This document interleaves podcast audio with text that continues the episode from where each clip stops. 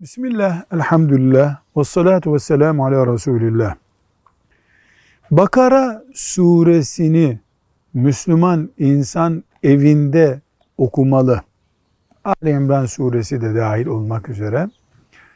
Bu konuda evde bir kayıt cihazından dinlesem o okuma yerine geçer mi diye soran kardeşimize deriz ki Resulullah sallallahu aleyhi ve sellem Efendimiz Bakara suresini okumaktan söz ediyor. Dinlemekten söz etmiyor.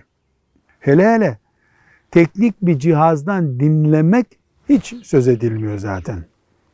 Dolayısıyla Müslümanın evinde hiç değilse her yıl bir kere en azından Bakara suresi okunmalıdır. Evlerimizin bereketi, evlerimizin şeytandan uzak kalması, evlerimizin huzuru bakımından büyük bir nimet bu. Bir kere de okunmalı ama günde beş sayfa beş sayfa bölerek de okunabilir. Akşam okunabilir, sabah okunabilir. Her zaman okunabilir.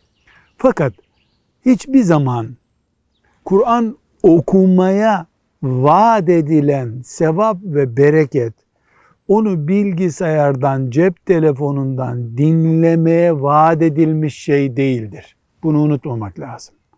Velhamdülillahi Rabbil Alemin.